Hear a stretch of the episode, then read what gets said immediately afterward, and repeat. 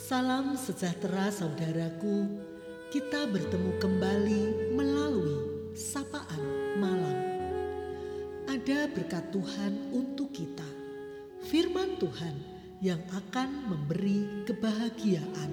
Saudara, jangan tanyakan apa yang bisa negara lakukan untuk kita. Tanyakan apa yang dapat kita lakukan untuk negara tercinta Indonesia. Di heningnya malam ini, firman Tuhan Nehemia 1 ayat 4 hendak menyapa kita. Ketika aku dengar berita ini, duduklah aku menangis dan berkabung selama beberapa hari. Aku berpuasa dan berdoa kehadirat Allah semesta langit. Saudara, hari ini kita memperingati 76 tahun kemerdekaan Republik Indonesia. Apakah yang baik untuk kita jalani sebagai warga negara yang bersyukur dan dalam rangka mengisi kemerdekaan negara kita ini? Mari kita renungkan mengenai apa yang dijalani Nehemia. Beban hati Nehemia ketika ia mendengar berita tentang tembok Yerusalem yang porak-poranda, ia segera berpuasa dan berdoa ia berkabung dan menangis untuk bangsa dan negara yang keadaannya sangat memprihatinkan. Nehemia memanjatkan doa pada Allah dengan kesadaran yang penuh tentang siapakah Allah. Dalam doa permohonannya, Nehemia menggantungkan segala harapannya kepada Allah. Nehemia mengenal Allah maka ia berbicara dengan cara yang berkenan kepada Allah. Dalam doanya Nehemia mengakui segala kelemahan dirinya dan bangsanya dan ia memohon pengampunan atas dosa-dosa bangsanya dan dosa dirinya. Nehemia berharap bangsanya diberkati Tuhan karena sedia meluruskan kembali jalan yang bengkok.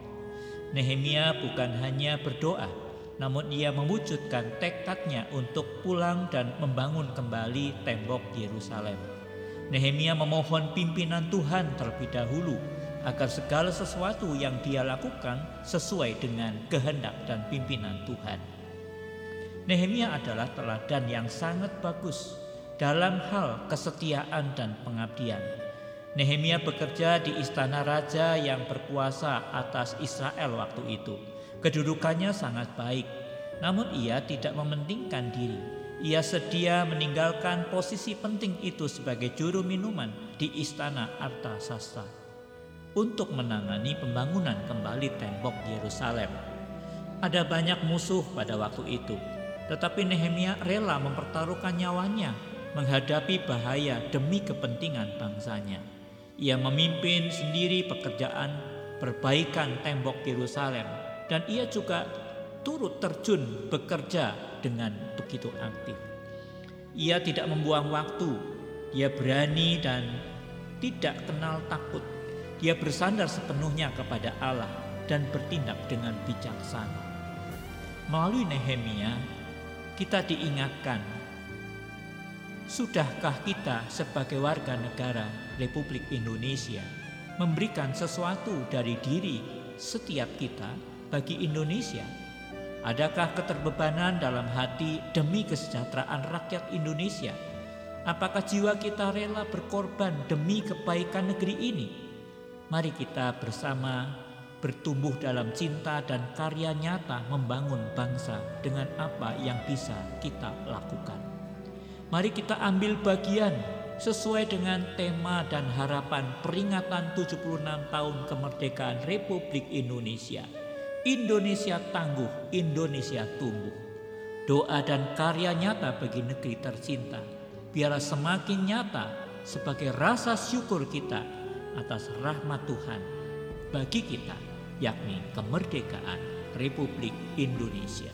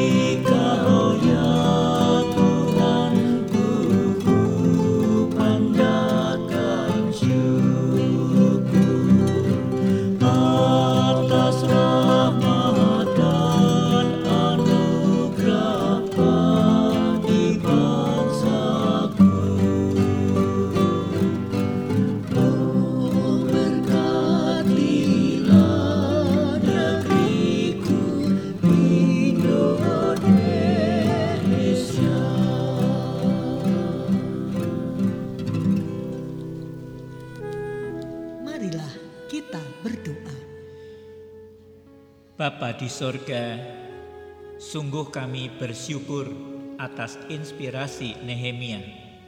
Kami berdoa bagi rakyat Indonesia. Kami berdoa juga bagi warga jemaat, di mana kami sebagai penduduk, kami mendiami negeri bumi Indonesia ini. Kiranya kami pun terus bertumbuh cinta kami untuk membangun negeri ini. Biarlah waktu-waktu selanjutnya kami semua Tuhan adalah rakyat yang sungguh tahu apa yang harus kami perbuat bagi negeri tercinta ini. Kiranya jayalah Indonesia dan harapan bagi negeri Indonesia yang tangguh dan Indonesia yang terus bertumbuh semakin nyata ke depan. Di tengah pandemi, kami juga menjadi bangsa yang tangguh dan tetap bertumbuh dengan rasa syukur kami atas kehidupan kemerdekaan 76 tahun Republik Indonesia. Semua kami malam hari ini juga boleh beristirahat dengan baik. Di dalam nama Tuhan Yesus Kristus kami berdoa. Amin. Selamat malam saudaraku. Teruslah berdoa dan berkarya nyata bagi negeri yang kita cintai. Indonesia tangguh Indonesia tumbuh. Selamat beristirahat. Tuhan Yesus memberkati.